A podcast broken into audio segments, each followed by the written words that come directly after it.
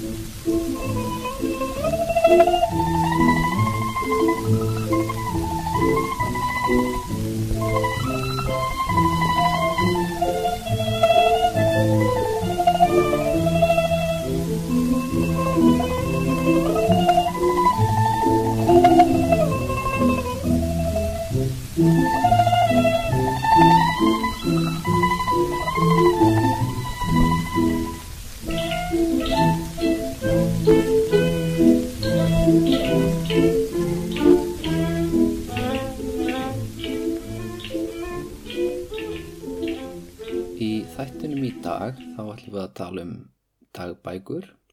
Prinsessur sem finnast inn í bambusskóum og skáldkonu sem var drusluskömmuð nokkur hundruð árum eftir döða sinn. Og þetta verður fyrsti þáttur af nokkurum um uh, forn japanskar kvennabókmendir. Það hljómar eins og svona uh, eitthvað sem maður ætti kannski að gefa hálfan hlaðarpsátt í í svona heildar yfirliti yfir sögu Japans en staðrindin er svo að þegar við tölum um hvenna bókmentir á heian tímanum þá erum við að tala um eiginlega hér um byrja allar bókmentir frá heian tímanum og í rauninni svona klassísku kanónu japanskra bókmenta þetta er uh, það sem Murasaki Shikibu og Sei Shonokon skrifa. Þetta er rauninni bara svona fyrirmynd allara þeirra skálda og, uh, sem kom á eftir. Og skáld eru eins og að við kannski átt af ykkur á því sem hlustuð á síðasta þátt. Skáld eru oft á tíðum pólitíkusar þannig að það getur spilað inn pólitík í ímiskonar skáldskap og mun gera það á næstunni. En um, vikjum okkur nú að bara fyrsta þema þáttarins það er dagbókunum. Ég ætla að byrja á því að fjallum dagbók uh, sem er skrifuð af konu sem var aldrei til eða öllu heldur. Þetta er uh, hann Kino Tsurayuki ljóðasafnarinn og reitstjórin frægi sem ég talaði mikið um í síðasta þætti og var aðalega frægur fyrir að hafa gefið út uh, Kokin Wakashu forn og ný japansk ljóð. Uh, hann gaf þau út þegar hann Daigo var keisari. Og bara svo við rifjum að þessu upp þá atna, Daigo það er sonur hans Uta sem var maðurinn sem letan Michi Sane vera ráþæra og, og, og reyndi að endurreisa vald keisarans og, og egna sér allt land í Japan aftur og deiljaði út svona jafn óðum. En sonur hans hann að einhverju leiti endurreisir gamla fyrirkomulæð, endurreisir vald Fujiwara ættarinnar og e, eftir dauða hans dæk og þá e, nær Fujiwara ættin aftur alveg tökum á eila öllu. Það er út af því að það er sonur hans dæk og hann Susaku sem tekur við og hann er bara unga bann á þeim tímapunkti og móður hans er uh, Fujiwara kona þannig að þetta er enn eina ferðina er það uh, strákur sem er alltof ungur til að stýra ríkinu sjálfur sem uh, þarf að reyða sig á móður sína og helstu ætninga hennar til þess að stýra ríkinu. Og það leiði til þess að Fujiwara ættin hefur tökina á Japan næstu ára týjina nema hvað það munu vera uppreysnir og ýmislegt annað sem mun gerast á valdatíðans Susaku. Það mun vera uppreysna maðurinn Tairano Masakato til dæmis mjög frægur atna, karakter í sögu Japans. Frægur að því að hann er, verður síðar að guði já, alveg eins og Nichisane og, og atna, tilur um hann alveg ótrúlegar sögur oft kallaði fyrsti samuræn en það er í næsta þætti. Í þættinum í dag eins og ég sagði þá ætlum við að tala um dagbækur og við ætlum að byrja á dagbókinni Tosa Nikki Tosa dagbókinni sem hann Kino Tsurayuki skrifaði. En hún fjallar um ferðalag hans og eiginkonu hans frá hérðinu Tosa sem er í söðluta Shikoku. Eiginlega eins mikill útnári í japanska keisaradæminu á þessum tíma og hugsast getur Þetta er svona svo kallar skítapleis en það er 55 daga sigling þaðan til höfuborgarinnar og hann er sérst að snúa aftur heim eftir að hafa verið í rauninni í síslumadur á þessu svæði í svolítinn tíma og það gengur bara svona þokkalega þessi ferð. Það er að vísu smá áhyggjur af því að það getur verið sjóranningir á ferli og e, þau þurfa ofta að leggja landi af óta við storma og ýmislegt annað slíkt En það sem er merkilegt við þessa dagbók er það að hún er skrifið algjörlega á japansku, ekki á kínvönsku eins og maður kynna halda svona hámentaður stjórnsýslumadur myndi skrifa á, svona prósa það er að segja, heldur við hefum skrifað með kana eh, og á japansku og já, kana eru þessi hljóðtákn sem ég oft nefnt, bara virka sépað og stafróð okkar á meðan kanji eða kínversku táknin þau eru náttúrulega tákn sem atna, hvert orð hefur sitt sér tákn og á heiantímanum þá þótti það og þykir ennhanda í dag í Japan það þykir náttúrulega miklu gálara að slá um sem er svolítið mörgum kanjium og atna, kannski frekar að myndasugur og eitthvað efni sem er ætlað bönnum það sé algjörlega skrifað í kana og þarfram eftir gödunum En hann sem sagt skrifar þessa bók í þriðju personu, hann er að lýsa sjálfum sér og eiginkonu sinni og ferðalæginu heim en í gegnum uh, sjónarhótt uh, konu sem er um borði í bátnum og er ekki með svona sama status og þau, þetta er svona lágt sett kona sem talar og skrifar mjög lítið um sjálfa sig en lýsir þarna áhöfn. Skipstjóri sem er svona frekar vittlaus karakter og svo er aðna ung stúlka líkum borði í bátnum sem yrkir ljóð eins og margir aðrir karakterar í sögunni. Og ég var bara um daginn að hlusta að þessa bók. Í fyrsta sinn, ég hlustaði á þýðingu inn á LibriVox og mælu svo sem ágætla með því að vísu ef þið værið að byrja núna að lesa bækur frá heiantímanum þá myndi ég mæla með að þið myndi byrja á aðna kottabókinni frá Sei Shonagon Eh, það er svona aðgengilegt fyndið verk og svona auðvelt að halda þræði í því að því að það er ekkit svo mikil þráður, þetta eru bara svona hugleðingar og, og brandarar og svona. En þann dag í dag nokkuð skemmtilegt aflestrar og ef þið fýlið það þá myndi ég fara úr því að lesa um hann Genji áður en ég færi í eitthvað eins og tósa dagbókina, þetta er alls ekki eitthvað svona þannig verk, þetta er ekki svona eitthvað sem þið verðið að lesa. En uh, hún fjallar samt um hlut sem er auðvelt að tengja við allavega tilfinningar sem við, við skiljum vel og það er að hann er að lýsa sorgarferðli hjá sjálfum sér og konu sinni. Þar að segja þau eru að sigla heim eftir tvöl þar sem hann er búin að vera landstjóri í, í á þessum útnára og þegar þau rifja þau upp að þegar þau silduð anga fyrst fyrir nokkrum árum til þess að taka við þessu ennbætti þá silduðu með dóttu sinni. En nú þegar þau sigla tilbaka þá er dóttu þeirra látin. Það kemur ekki fram uh, hvers vegna hún lést en en eh, konans er í miklu uppnámi um borð og er í miklu uppnámi oft í gegnum bókina. Uh, honum er líst sem þungbúnum. Hann er að lýsa sjálfur sér í þriðju personu sem uh, kvílir eitthvað mjög þungt á honum en annars er hann að sinna öllu sem hann á að vera að gera hann afhendir öll mikilvæg skjöl til arftaka síns í þessu ennbætti og síðan atna, kemur hann fyrir uh, nokkuð virðulega og, og, og bara eins og hefða maður á að haga sér um orði í bátnum og semur ljóð við ímins tilefni. Nú uh, það þykir svolítið skrítið og þóttir svolítið skrítið að hann skildi hafa skrifað uh, þessa bók á þennan máta því þetta er jú dagbók, þetta er persónuleg bók sem er ekki ætluð beinlinnist til þess að um, svona gangi augum á neinum, ef hann hefði alltaf sér að gangi augunum á liði við hyrðina þá hefði hann sennilega skrifað hann að prósa á kínuversku eða meðfylgta kínuverskum táknum, svona kín-japansku einhverju en um, hins vegar þá, þá vitum við ekki alveg, það getur verið að hann hafi skrifað þessa bók til að takast á við þetta sorgarferli sjálfur, það, það getur verið hjálpað mann er í svona sorg að skrifa sig út úr henni og það er ekkit útlokað í sjálfur sér og það er ímsa kenningar um það, það til dæmis að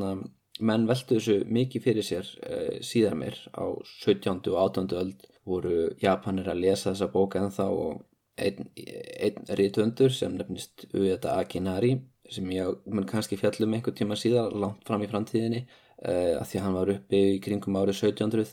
hann eh, velti því fyrir sér hvort að ástæð þess að hann væri að skrifa í þriðju personu gegnum þennan hvern karakter væri svo að það þætti ekki nóg kallmælegt að tjá uh, svona tilfinningar. Að því að þetta fjallar jú um uh, sorgina og, og atna, þetta er ágættiskenning en hún er því miður sannlega alveg raung, eða því miður sannlega sem betur fer. Málega það að, kallmenn á tímum hans Kinotsur og Yuki máttu alveg vera svolgar tilfinningaverur, það kemur oft fram í tekstum fyrir þessum tíma að menn er að tárast yfir fegur heimsins og hverfuleika heimsins og ljóðum annara og,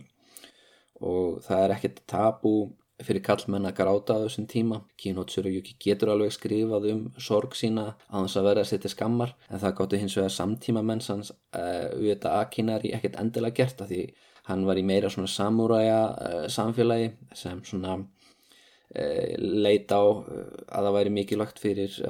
kallmenn að hafa sjálfstjórn og, og, og já, ég menna þetta var svona stríðismanna samfélag ekki svona skálda samfélag eins og heiantímin er. Þetta er svona samúræja samfélag sem var ennþá, það, á þessum tíma ekki en þórið til.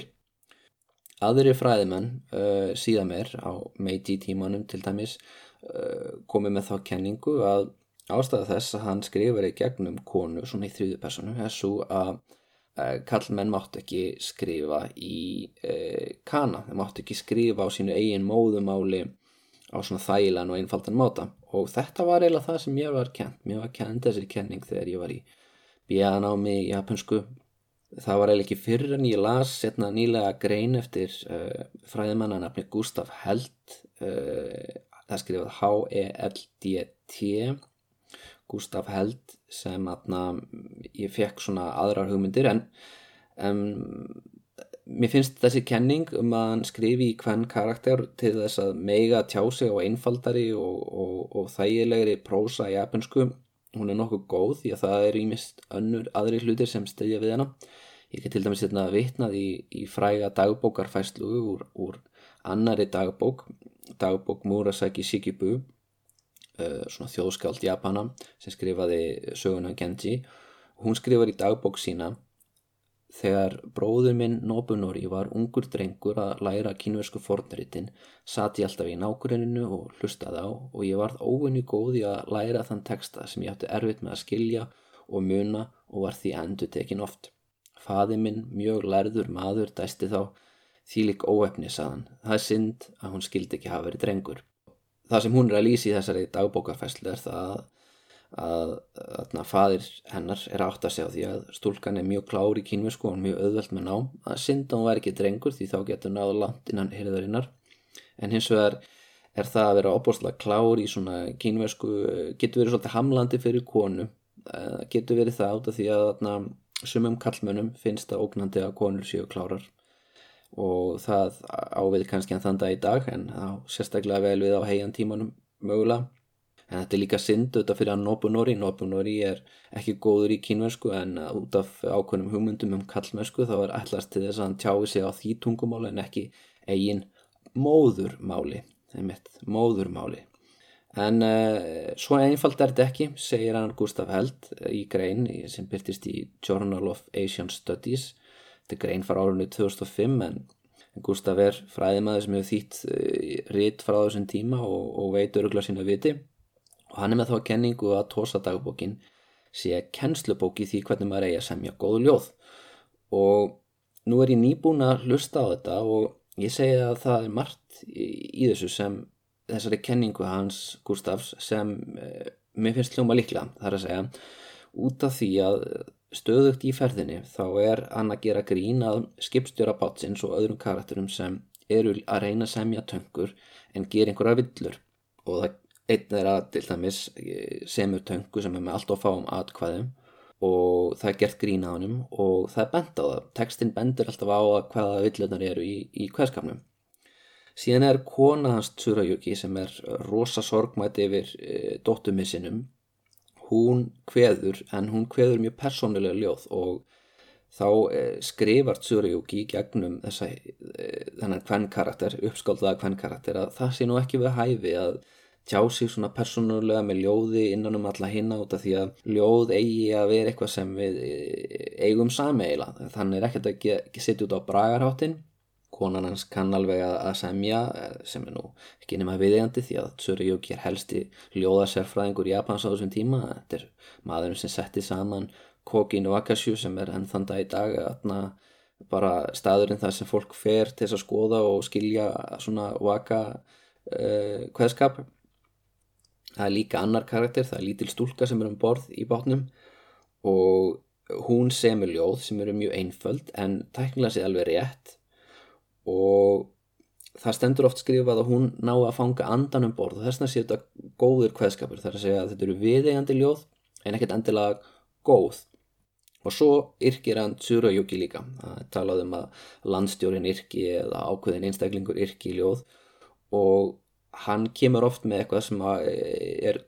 tilipni til að yrkja um eitthvað staður, eitthvað landslag eitthvað svo leiðis og oft á tíðum þá segir hann já þetta er ekki nógu vel orrt svo að hann yrkir annað ljóð og sem er aðeins betra. Og ef að þessi bók var ætluð uh, fyrir unga stráka eða jafnvel ungar stúlkur líka til þess að læra hvernig uh, þau átt að yrkja svona töngur sem var mikilvægt fyrir bæði kynin að kunna það var mikilvægt að geta orrt það var mikilvægt að geta orrt uh, í þessu samfélagi og þarna, það, þú veist, hvort þú náir einhvern frama innan hyrðarinnar gætt eh, oft á tíðum valda á þessum eiginleika. Nú, ef þetta er kennslubók, þá meikar sens að skrifa hana í kana út af því að þú ert að skrifa fyrir lesendur sem hugsanlega er ekki búin að læra alla kynjósku stafinu sem þú þart að kunna. Af því að þess að geta lesið uh, svona alla þessa kantja sem er í japanskunni bara í dag, sem er um 2000, það tekur nokkur ára nám að minnstakosti meðan það að læra að skrifa kana það tekur þið kannski eina helgi eða þú ert fullónin einstaklingur, kannski einn sex ára bekk eða þú ert uh, sex ára eða þið skiljið hvað ég meina það er, er aðeins fljótleira og þannig að ef að lesendahópurinn er, eru börn þá er mjög skiljalegt að hann velja að skrifa þetta í, í kana en aftur á móti þá er ekkit endilega augljóst af hverju hann skrifa í gegnum þennan hvern karakter og hann Gustaf vil meina að það er ekki óalgengt að dagbækur fyrir aðalsfólk á þessum tíma hafi verið skrifaðar af jafnvel uh, konum í þjónustu þess, þess aðalfólks. Og það sé kannski hugsalagt í þessu tilviki það getur líka verið að Tsuruyuki sé að skrifa þetta sjálfur en hann sé að láta eins og hann hafi kvenkins þjón sem sé að gera þetta fyrir hann. Þetta er uh, eitthvað sem við getum ekki almenna vitað því meður en það eru ymsar dagbækur uh, sem eru á þessum atna, tíma skrifaðar og atna, í ymsum tilgangi. Um, nú það má nefna Kagero Niki uh, Kagero gæti verið vísun í ímislegt til dæmis atna, gæti það verið vísun í Konglovarvef uh, það gæti líka verið vísun í Dægurflugum þetta er svona opið fyrir ymsum tólkunum og Kagero Niki uh, fjallar um konu.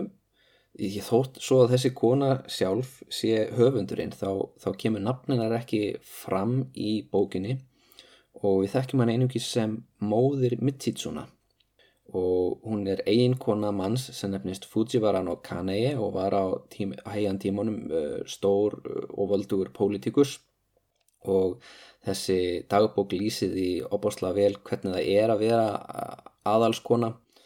Uh, hún býr útaf fyrir sig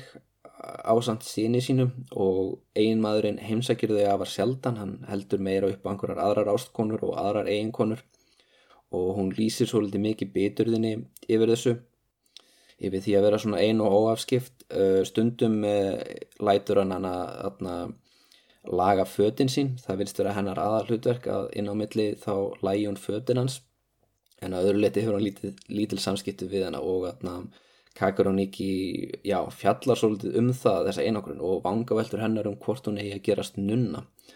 Og já, þetta er mjög, mjög aðteglisar bók, ég hef ekki lesið hana, korki á japanskunni í ennskrið þýðingum, en þetta er frekka forutnilegt að, að, að komast inn í þennan hugarheim þar sem, veist, er í raun og verið að fjalla um hjónabandsvandamál með alls svona uh, há aðalsins á heiantímanum. Nú það til önnur fræg dagbók sem nefnist Sara sína dagbókin.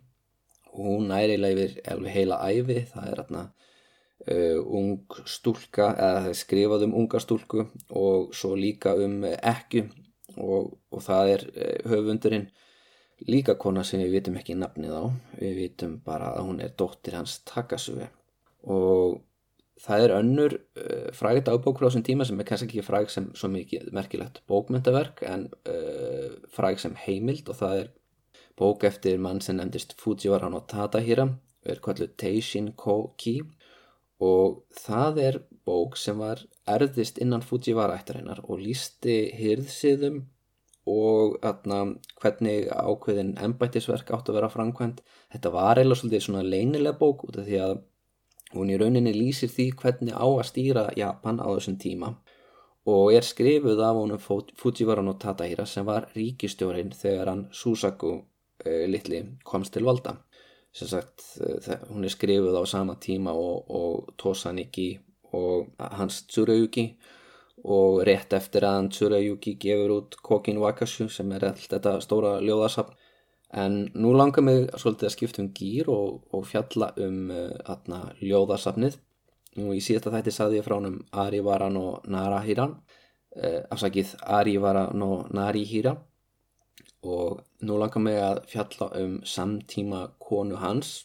Þetta er kona sem er eh, látin þegar atna, eh, þetta ljóðasamt kemur út.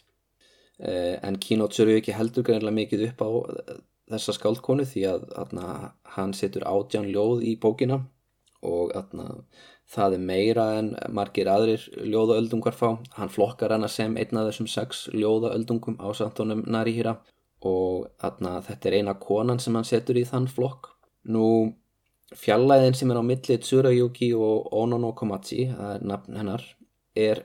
svona svipuð og fjallæðin milli mín og Elli Vilhjáms ég ætla að nota þessa samlíkingu uh, milli mín og Elli Vilhjáms alltaf í þessum þætti. Eh, ég held að það sé meira viðandi en að ég líkinu við Haldur Lagsnes út af því að jú, þetta er skáld en uh, sko vaka merkir söngur og atna, þó svo þetta sé ekki alltaf sungið endilega þá er þetta líkara veist í svona samingi þess tíma þá er þetta líkara svona poplugum heldur en kannski bókmyndaverkum þessi ljóðasöfn. Já svo ég klári nú þessa hallaræslegu samlíkingum þá væri þetta svipað og ef Íslenska ríkistofnin fæli mér eða einhverjum á mínum aldri að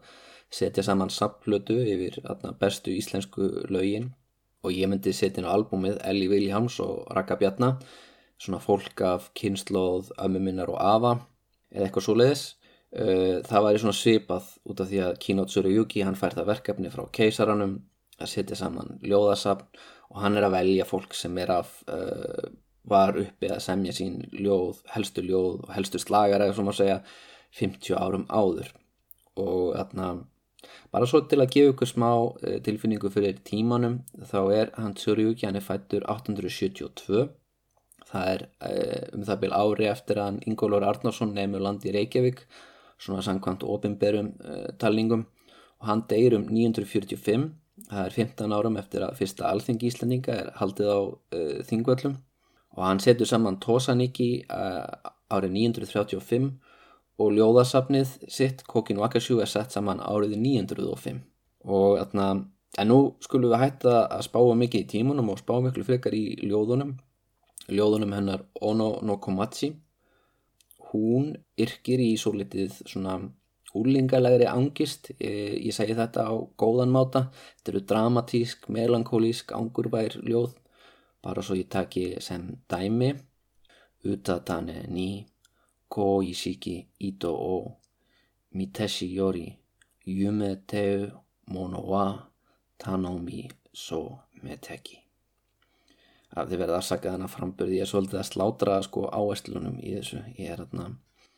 svona, já, ég bara segi ykkur það sko frambörði minna japansku er alveg langt frá því að vera fullkominn en allt í góðu. Ég lesi hérna íslenska þýðingu eftir hann Helga Háldanarsson. Hann kom á minn fund meðan svefnin seg á brár hefði ég vitað að þetta væri draumur, væri ég enn sofandi. Og þannig er hún eh, að yrkja sannilega um einhvern fyrrum elsku eða einhvern sem hún er ástfangin af og þau eigi einhvern fund í drauminum og, og ef hún hefði átt að segja að þetta væri draumur þá hefði hún reynd að sofa lengur. Svona frekar basic hérna. Uh, hér er annað uh, ljóð sem ég finnst tóltið svona, svona fjallaskaldalegur bragur í því, jafnvel svona pínu vassenda rosa. Iwan og Ue, Tabini og Zureba, Ito, Samushi, Kokuen og Koromo og Wareni Kasanan. Mér er svo sárkallt þar sem ég kvíli í nótt með all klettana og gætu þeir lána mér mosa feldin sinn mjúka. Já, þetta minnir mann svolítið á romantísku skáldin sem er alltaf að yrkjum ástarsorg sína og já, það mætti alveg líka henni koma að því svolítið sama við Vassendarósu eh, aðalóta því hvernig meðferð hún fært síðan meir. Eh, hún var sennilega einhver aðalskona við hyrðina í heian. Við vitum því miður ekkert mikið meira um hana. Það er dæmi gert fyrir hvern mann á eh, þessum tíma eins og þið þarna hafið heyrt. Við vitum heldur ekki mikið um já, jú við vitum slatta um höfunda Kageró Nikki og Sara sína dagbókarinnar og, út af því að þær skrifa dagbækur um sjálfa sig. En við vitum til dæmis ekki nöfnið þeirra. Og við vitum heldur ekki nafnið á henni Ono no Komachi uh, hún heitir Ono að því að hún er úr Ono ættbálkinum svipað og hún Yoko Ono. Uh, Yoko Ono er Ono Yoko á japansku til dæmis. Það er alltaf verið að svissa uh, fjölskyldunafnið er fornafnið á japansku eftirnafnið er skýrnarnafnið það eru þetta engin tenging á milli þeirra tökja en það meirinn þúsund ára á milli. Þetta er annar ono, önnur Ono ætt þar áferð hjá henni Yoko Ono heldur en henni Ono no Komachi eh, Komachi hins vegar er ekki nafnið hennar. Machi er hugsanlega vísun í stöðunar innan hyrðarinnar það var atna, eh, ofta talað um eh, Machi sem einhverjar hyrðmegar í ákveðinu stöðu í þjónustu keisareinjunar Hins vegar gæti þetta líka verið vísun í það að hún komi úr smábæ út af því að Ko er lítill, eh, Komachi væri þá Þorp. En í dag hefur Komachi fengið aðra merkingu, þannig að núna merkið þetta svona Þorps fegurðardísin eða fegurðardísin í einhverju e, sveit, lokal fegurðardísin og það stafar af atna, hvernig ímynd hún Onono Komachi hefur fengið í gegnum tíminu. Auðvitað vitum við ekkert hvernig hún leitt út í eh, enda höfum við engar samtíma heimildur um það og það er, og það lítið skrifað um hvernig heian konur líta út. Eins og ég nefnt áður þá er það yfirleitt faldar, það er mikill aðskiljaður á melli kynjana og atna, þegar konum er líst sem fögurum þá er yfirleitt verið að tala um hárið á þeim. En oftar en ekki bara verið að tala um atna, fatastíl, rítönd og hversu góð það er í að yrkja. Þannig að það er ekkit ótrúlega mikið skrifað endala um, um uh, sko, líkama hvenna eða fegur þeirra uh, frá svona í þeim skilningi. En allavega hana uh, við vitum að hún skrifaðist á við aðalsmann sem nefndist Funjan og Yasuhide af því að eitt af ljóðunum sem við varðist við varðist úr, úr þeim breyfaskrifum hún á líka ljóð sem hún sendi helgimanninum Henjó og hún hefur mögulega verið elsku í Funjan og Yasuhita við auðvitað vitum það ekki. Sennilega ekki elsku í hans Henjo nema hann hefur brotið einhver heit. Ég ætla nú ekki að halda því fram hér en það hef ég ekkert til þess að byggja það á. En um, þessir tveir menn rata á samt honum Narihiro og henni Komachi inn á listan yfir þessa sex ódöðlugu ljóða öldunga Rokkasen og hann Kinotsurjóki skrifar um þau í atna, inganginum á þessu ljóðasafni.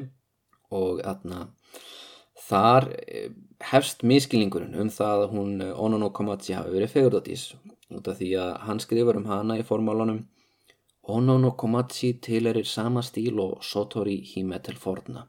Hennar ljóð hræra við okkur en skortir styrk. Þau minna okkur á fagra konu sem þjáist af veikindum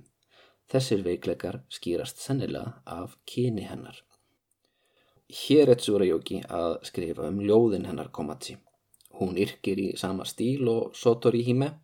sem var japansk prinsessa frá því nokkrum öldum fyrir tíma hennar en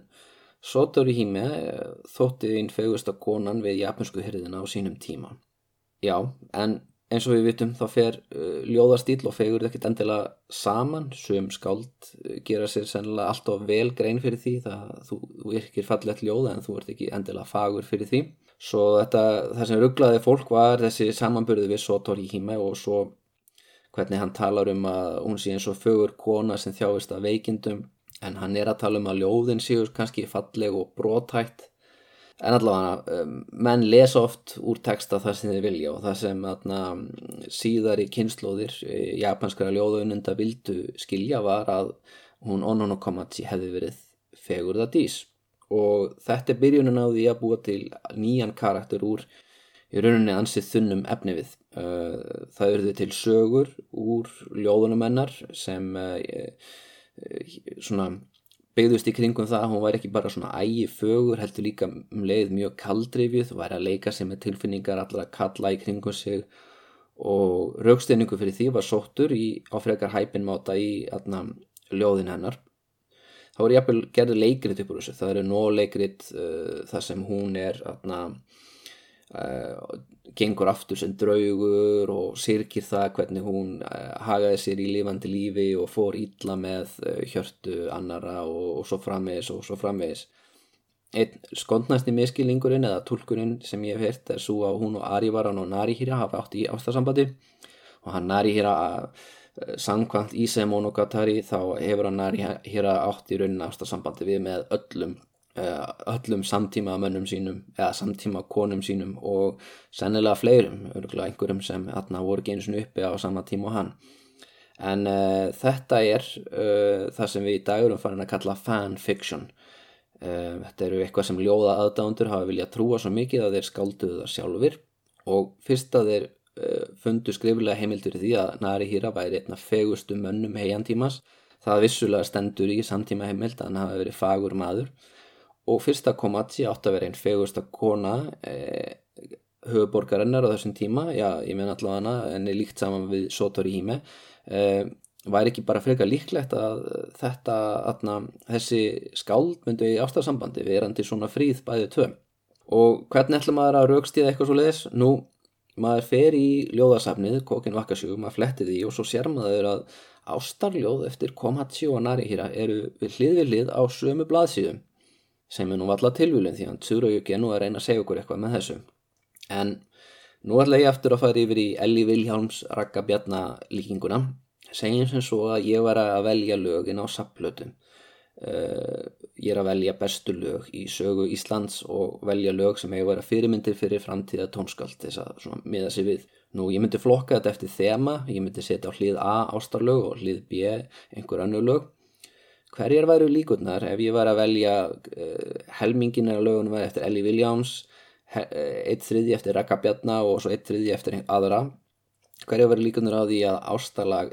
það sem Elli er að syngja eða það sem Raggi er að syngja eh, væru hlið við hlið? Nú reyndar, það eru nú nokkri duettar sem eru til með þeim temur en, en punkturinn er sá að það er eiginlega mjög líklegt eiginlega tölfræðilega ólíklega að þau myndi ekki eiga lög hlið við hlið og það er svipað með Narihira og Komachi þetta er uppáhald skáldinast Tsurayuki og hann er að flokka ljóðin eftir þema. Hann, ástar þema er mjög stór partur af bókinni. Svo það er eiginlega tölfræðilega mjög ólíklegt að þau endi ekki hlið við hlið þannig að þetta sýnir fram á eiginlega ekki neitt. Það var eiginlega undarlegra ef hann hefði ekki sett þau hlið við hlið í sjálf og sér en allavega, Japanir vildu trúa því að þessi sjóðandi heitu skáld ættu í sjóðandi heitu ástasambandi þannig að þessi uppröðun á ljóðum var bara tólkuð á þennan veg. Nú, það var auðvitað frekar illa farið með hana Komachi eftir þetta, hún var svo litið druslu skömmuð uh, á meðöldum eftir hegjan tíman þá verður minna frjálslindi í ástamálum. Og konfúsjónismin búin að síjast meirinn í menningu almennings og svo eru bútistarnir orðnir aðeins strángari og þá þykir til síðis að semja leikrit þar sem hún Onan og Komachi er fyrir syndir sínar, fyrir sína, uh, sín druslu hátt orðin einhvers konar draugi sem þarf að kveða niður eða friðþægi einhvern veginn þannig hún auðlist frið og hennar glæpur er raunis á að hafa freistað kallmanna og síðan hafnaðim wow, þú veist, spáði það sko hún freistaði þeirra en hafði svo engan áhuga. Og fyrir það þá, þá atna, uh, var henni refsað þenni var hend út úr hyrðinni hún liði restina æfisinni sem fátæk flökku kærling það til hún dó sem er nú svolítið fyndið því að atna, uh, þú veist, það er auðvitað engar, engin uh, raukstuðningu fyrir því það er engar, við vitum ekkert um æfi Onon og Komachi, við vitum ekkert uh, hverra manna hún var, við höfum bara ljóðin hennar, en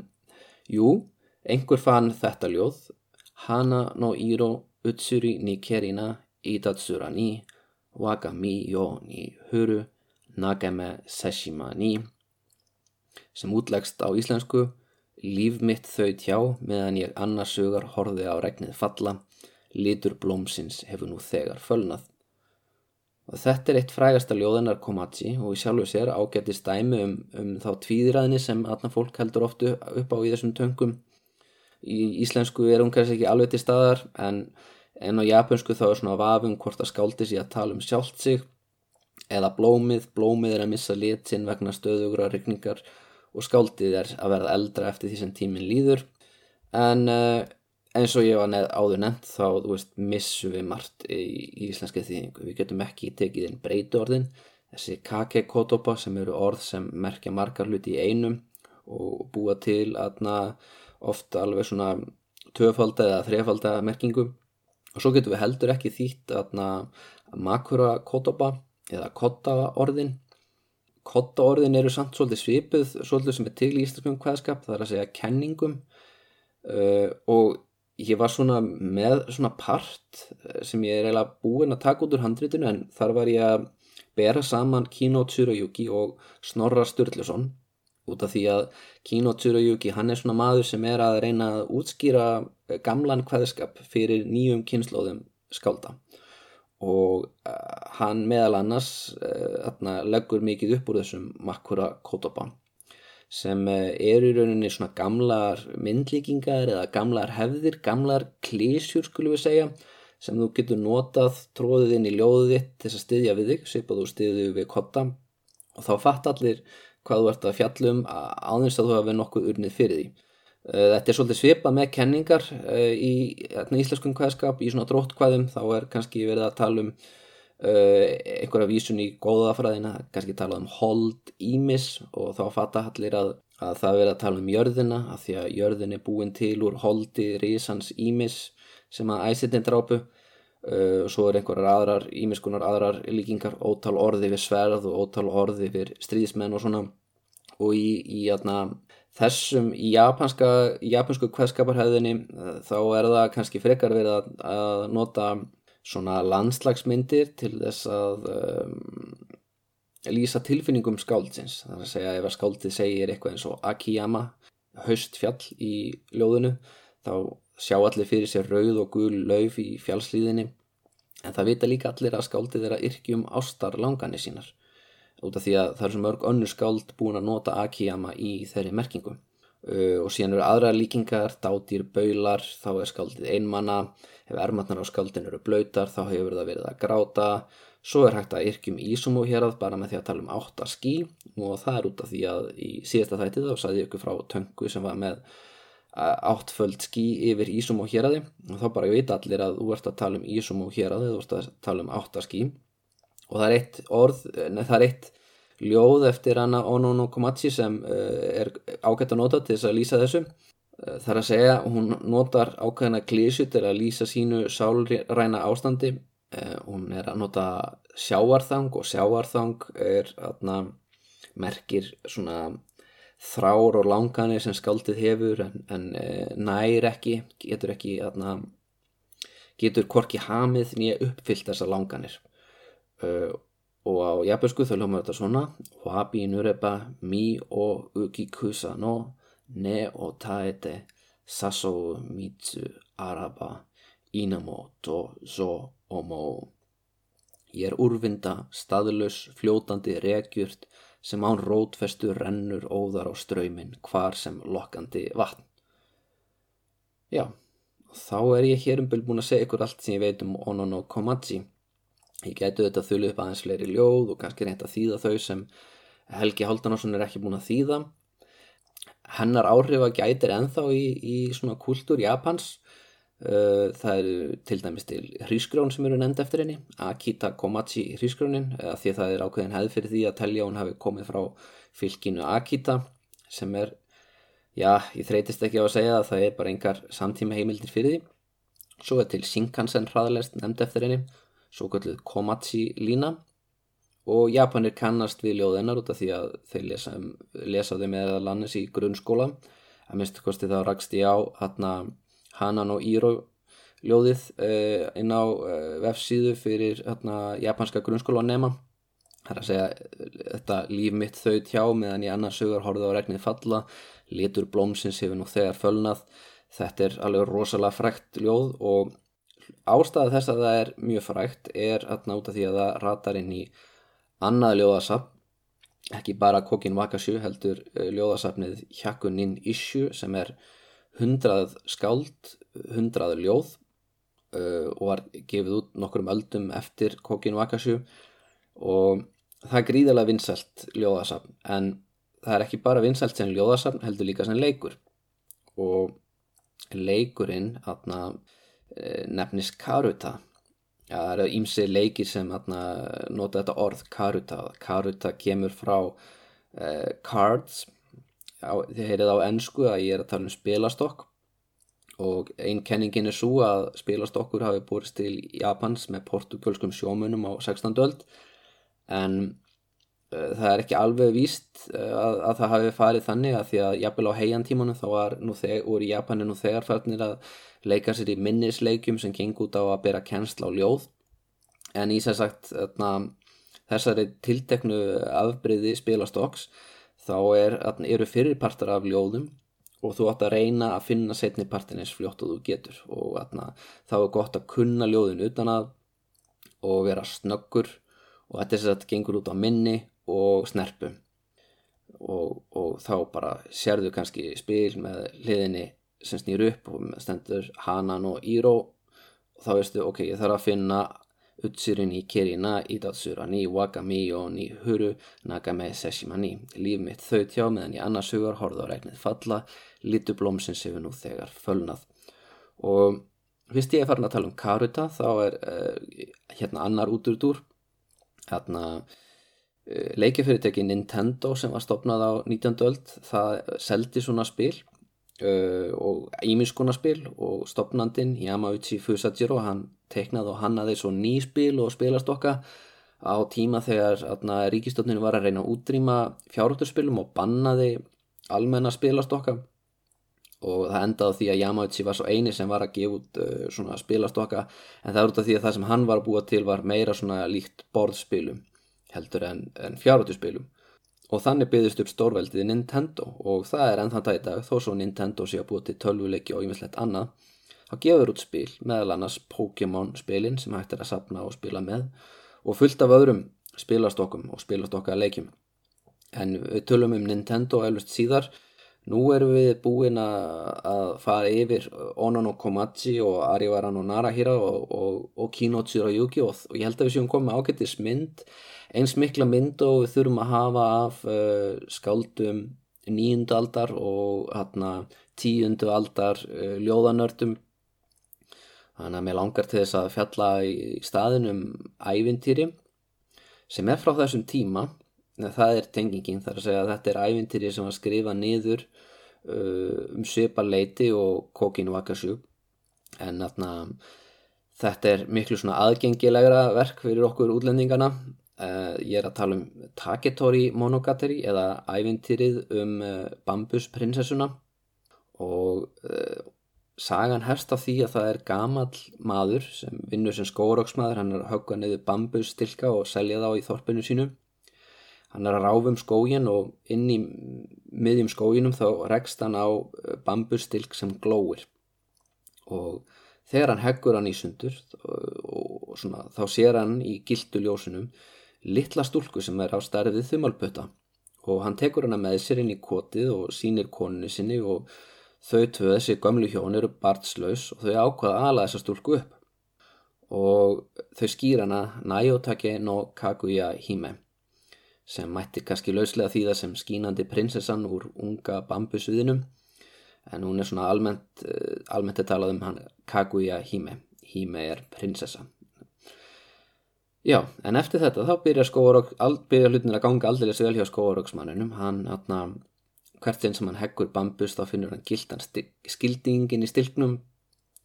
Og þetta nýja ríkidæmi komlu hjónuna fyrir að vega ekki aðtökli en það gerir dóttið þeirra líka því að hún uh, vex úr frá því að vera á stærfið þumalbutta yfir í að vera bara á stærfið venjulega konu, hún verður fullóðin kona á bara þreymur mánuðum Þetta er alveg þýliku luxus, ég hús að, að flestir nýbakaði fóröldrar auðvundið þennan eiginleika Bambus prinsessa, það verða bara fullótnar á þreymur mánuðum, það er ekkert að sinna þeim frekar. Uh, jú, nema það að sko gamli maðurinn hann fer að fá það á heilan að hún verði að giftast einhverjum og að því hún er svo ótrúlega fögur þá, þá hún, verður hún strax eftirsótt og það koma mjög valdamikli menn á hennar fund til þess að reyna sannfæran um að giftast sér.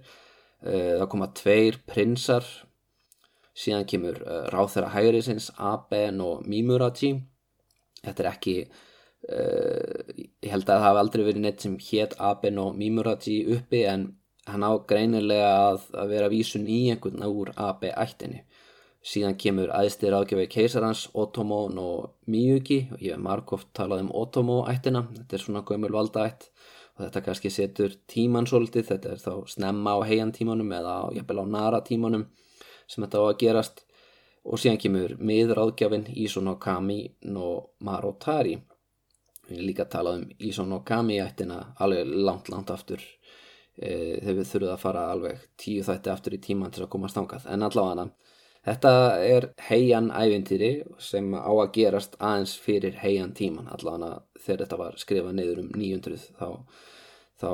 er verið að setja aðeins lengra í fortíðina. En skóraksmaðurinn hann hvetu dóttu sína til að giftast einhverjum af þessum rosalega uh, atna, góðu kostum. En hún setur í staðin fyrir og alveg ómögulega þrautir. Einn á að sækja skál sem var í eigu búta, annar á að koma frakka úr skinni kínvesku eldróttunar og þeir reyna platana en hún sér alltaf í gegnum þá. Einn kemur með skál sem hann segir að búta hafi átt en þegar hún skoða skálina þá sér hún að það skín ekki með helgu ljósi og annar kemur með frakka úr skinni eh, eldróttunar úr, úr svona eldróttu loðfeldi en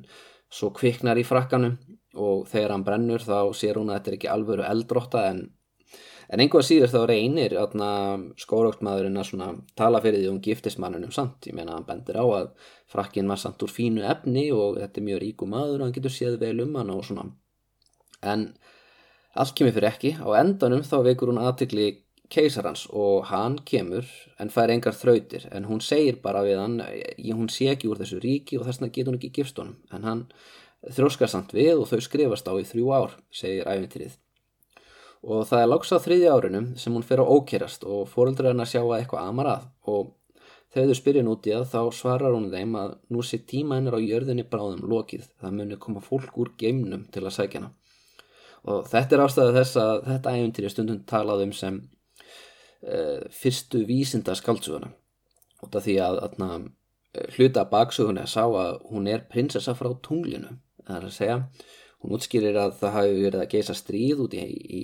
í heimingeiminum, stjörnustríð. Og þarna plánutur eru með konungdæmi sem eru að, að, að skjóta þarna á millisín og til þess að felana komin í gott skjól þá er hún sendnið til jarðar og allir peningurinn sem að pappinar fóstufæðarinnar er búin að vera að finna þarna út í skóinum þetta voru þess að sagt þarna var til að borga uppehald hennar á meðan dvölinni staði yfir. En nú er dvölinni sem sagt að ljúka. Bráðum muni aðna, fólk koma frá tunglunu að sækjana og þegar keisarinn heyrir af þessu þá ákveður hann að aðna, senda lífvarðarlið sitt til að passa upp á hana. En það, allt kemur fyrir ekki. Það, það kemur ofsa byrta ofan úr himnum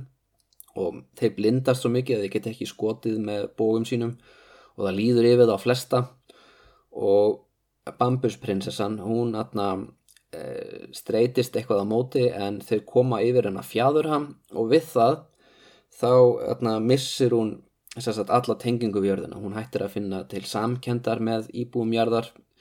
er sagt og hún eh, sagt, eh, verður aftur svo sem hún var áður hún kom til jarðar en áður en það gerist þá nær hún að atna, gefa einum lífverðinum töfradrykk. Þetta töfradrykkur sem á að gefa þeim sem drekkur hann eh, eilíft líf. Og hún byður hann um að fara með hennan drykk til keisarans. Og þetta er svona þekkt þema í svona austur-asískum bókmöntum þar að segja að keisarar er alltaf á höttunum eftir einhverju sem lætið á lifað eilífu. Sérstaklega hendar kínverskir keisarar en, en japanski líka. Og hann fær drikkin í hendunar en hann vill ekki drekkan út af því að honum finnst uh, lífið ekki svirð að lifa án uh, prinsessunar hann, atna, hann segir að hann vilji ekki atna, lifa það eilíf allavega fyrst að hún er ekki á jörðinni með honum. Þannig að hann ákveður að brenna drikkin og hann segir herrmönnum sínum að fara upp á hæsta fjall sem þið geta fundið og kveiki hann þar svo að prinsessan sjáu það frá tunglinu hvernig hann fer með gjöfina sem hún gefur honum. En þeir finna fjall sem er nóguhátt og fara upp á tindin og það er fjall sem ég hef farið upp á. Ég hef lappað upp á Fuji. Mæl ekki með því, alveg gjör skítaplay sko, mér var alveg drullu kallt og svo þegar ég kom upp ég ætlaði að sjá sólar upp rásuna þarna frá Fuji fjalli, þá var svo skíjað að ég sá ekki raskat. Og svo þegar ég lappaði niður, ég var ekki búin að sofa neitt alla nóttina uh, þá sá ég að allt landslægið í byrtunni, allt landslægið var bara eins og ég væri á Íslandi, þetta var þetta bara hraun en þetta er Fuji eldfjall. Og það er ekkert svo, svo spennandi að labba þarna upp heldur því að veist, það, er, það er bara opið í júli það er bara í júli sem á labba þarna upp. Og það er búið að högva tröppur alla leiðan upp og það eru sjálfsalar líka og veitingastæðir og svona. Og þú ert eiginlega í byðruð við að labba upp. Þetta er það eina sem er erfitt við að fara upp á Fuji fjall fyrir utan hversu eh, skýta kallt það er er bara það að þú þarfst að standa í byðruð alla 5000 metrana. Eða þá er ég búin að hrauna aðeins yfir aðna Fuji sem er bara viðjandi því að það fullt á hraunni í, í hlýðum þess. En uh, Fuji eh, það sem atna, er, er verið að gera þarna í, í ævindurunum Bambusprinsessuna það er verið að búa til smá orðaleg út af því að orðið yfir eilíft líf á japansku er Fuji og það þýðir í raun anti-dauði það er að segja Fu er svona and uh, andstæðan við eða ekki. Og she er, þú veist, það er þetta fullt orðum sem eru er she, þetta er bara lesn, enn einn she lesningin á kínvörsku takni en, en, en jú, dauði er vissulega lesin þannig eh, kantiði fyrir döðan þannig að anti-dauði, eilíft líf. Þeir taka anti-dauða drikkin og fara með upp á Fuji fjall og kveikja í honum og Fuji og Fuji það er í mér ágætlega en svo er líka Uh, kanjiarnir í Fuji þeir, það má lesa þá þannig að, að þeir tákni gnægt hermana eða fullt af stríðsmönnum. Og sagan vísar í það og hún segir að þegar atna, hermenninni fara upp og kveikja í, í driknum þá hafi fjallið verið fullt af hermennum og þess vegna heiti það Fuji fjall og þetta er svolítið langsótt en ég meina að þetta er ævintýri um tunglbúa og prinsessu sem búa í bambus en það endar sérst á því að þeir kveikja í, í eilíðardriknum og, það, og hann náttúrulega því að þetta er drikkur sem, sem veitir eilíft líf þá logar hann að sjálfsögða eilífu og Fútifjall logar að eilífu en það er það eldfjall. Hér ætti ég kannski að láta staða numið. Henn aðna e, það er, ég langar bara að nefna það að það eru nokkur annur ævintýri þar sem aðna börn finnast innan í skriktnum hlutum það er til dæmis til ævintýrið um Melónu prinsessuna sem er, jú, þegar Eh, gömul barslaus hjón eh, uppgöta litla stúlku innan í melónu og skýra hana Uriko Hime sem merkir melónu prinsessa það er aðeins meira creepy ævintýri út af því að henn er rænt af Íllum Púka sem er kallaður Amano Jaku og í einni útgáfuna þeirri sögu þá er hún húðflett af því að atna, þessi púki ætlar að klæðast uh, skinn hennar og fara á fund elsku hennar sem er prins og hann ætlar að sannfara prinsinum að gera ímyndlegt uh, ókiðfælt en það endar á því að sál stúlkunar í, tekur á sig form fuggls og kemur upp um hann sem fuggl, já. Þetta er, atna, þetta er svona þannig ægundtýri og svo er það Momotaro sem atna, kemur úr stóri fersku og einhver fann stóra fersku og skar hann í tvent og þá kom í ljós lítill drengur og það er ímins aðeins til um hann. En uh, svona lókum þá langar mig að mæla með uh, bíómyndinni sem Studio Ghibli bjóð til um hana Kaguya prinsessu það er að segja um stúlkunar sem fannst henni í bambus en reyndist vera frá tunglinu. Það er mynd eftir hann Isao Takahata sem stopnaði Ghibli með honum Miyazaki Það uh, er miklu fleiri sem kannast við hann Hayao Miyazaki uh, sem hefur gert uh, myndir eins og Spirited Away, Princess Mononoke og, og Totoro. En hann Takahata er líka mjög skemmtilegur, hann hefur gert þarna þess að virkilega sorglegu, uh, hríkalegu mynd gröf eldflugnana og hann er alltaf í þessum vonlösu baráttum sko, þetta er alveg hríkilega sorglega mynd. Svo, svo er önnur sem er reyndar svolítið fyndni líka, Pom Poko sem fjallar um svona hóp þóttabjarna eða greifingja, þetta eru japanskir þóttabjarnir kallaði tanuki sem er að berjast gegn byggingafrankvöndum sem eru að valda yfir skóinu þeirra. Og það fer nú ekki vel fyrir þeim heldur svo í spóili en, en einhvern veginn það er rosalega mikil svona örlaga higgja, svona fatalismi í bíomundunum hans Ísa og Takahata og þess vegna er það ekki að vinsæla rétna á Vesturlöndum, hugsa ég. En uh, eh, bíomundin sem hann gerði um Kaguya Hime er alveg alveg frábær og ég mæla alveg eindreiði með henni og ég þarf að gera sér hlaðvarpsþáttar sem ég tala um Ghibli myndir á endanum. Uh, þar að segja ef ég næ einhvern tíman á 2000-öldina en uh, í næsta þætti þá snú okkur frá ljóðlistinni tímabundið. Við förum aftur í hvenna bókmyndirnar uh, eftir þann þátt en Í næsta þætti þá ætlum við að tala um fyrsta samúræðin. Og ég segi bara, ég vona að þetta hefur verið fróðlegt og skemmtilegt og takk fyrir hlustunum. 世紀極まる今日に催眠今週会議水まぶかにかぶった高帽子金の入り輪に金時計専門試験に膝を曲げ芸者太鼓に金を巻き藤井川蔵に米を積みただしメイドのお土産が地獄で閻魔に面会し賄賂使うて極楽へ至るかへいけないよおせげでおせげで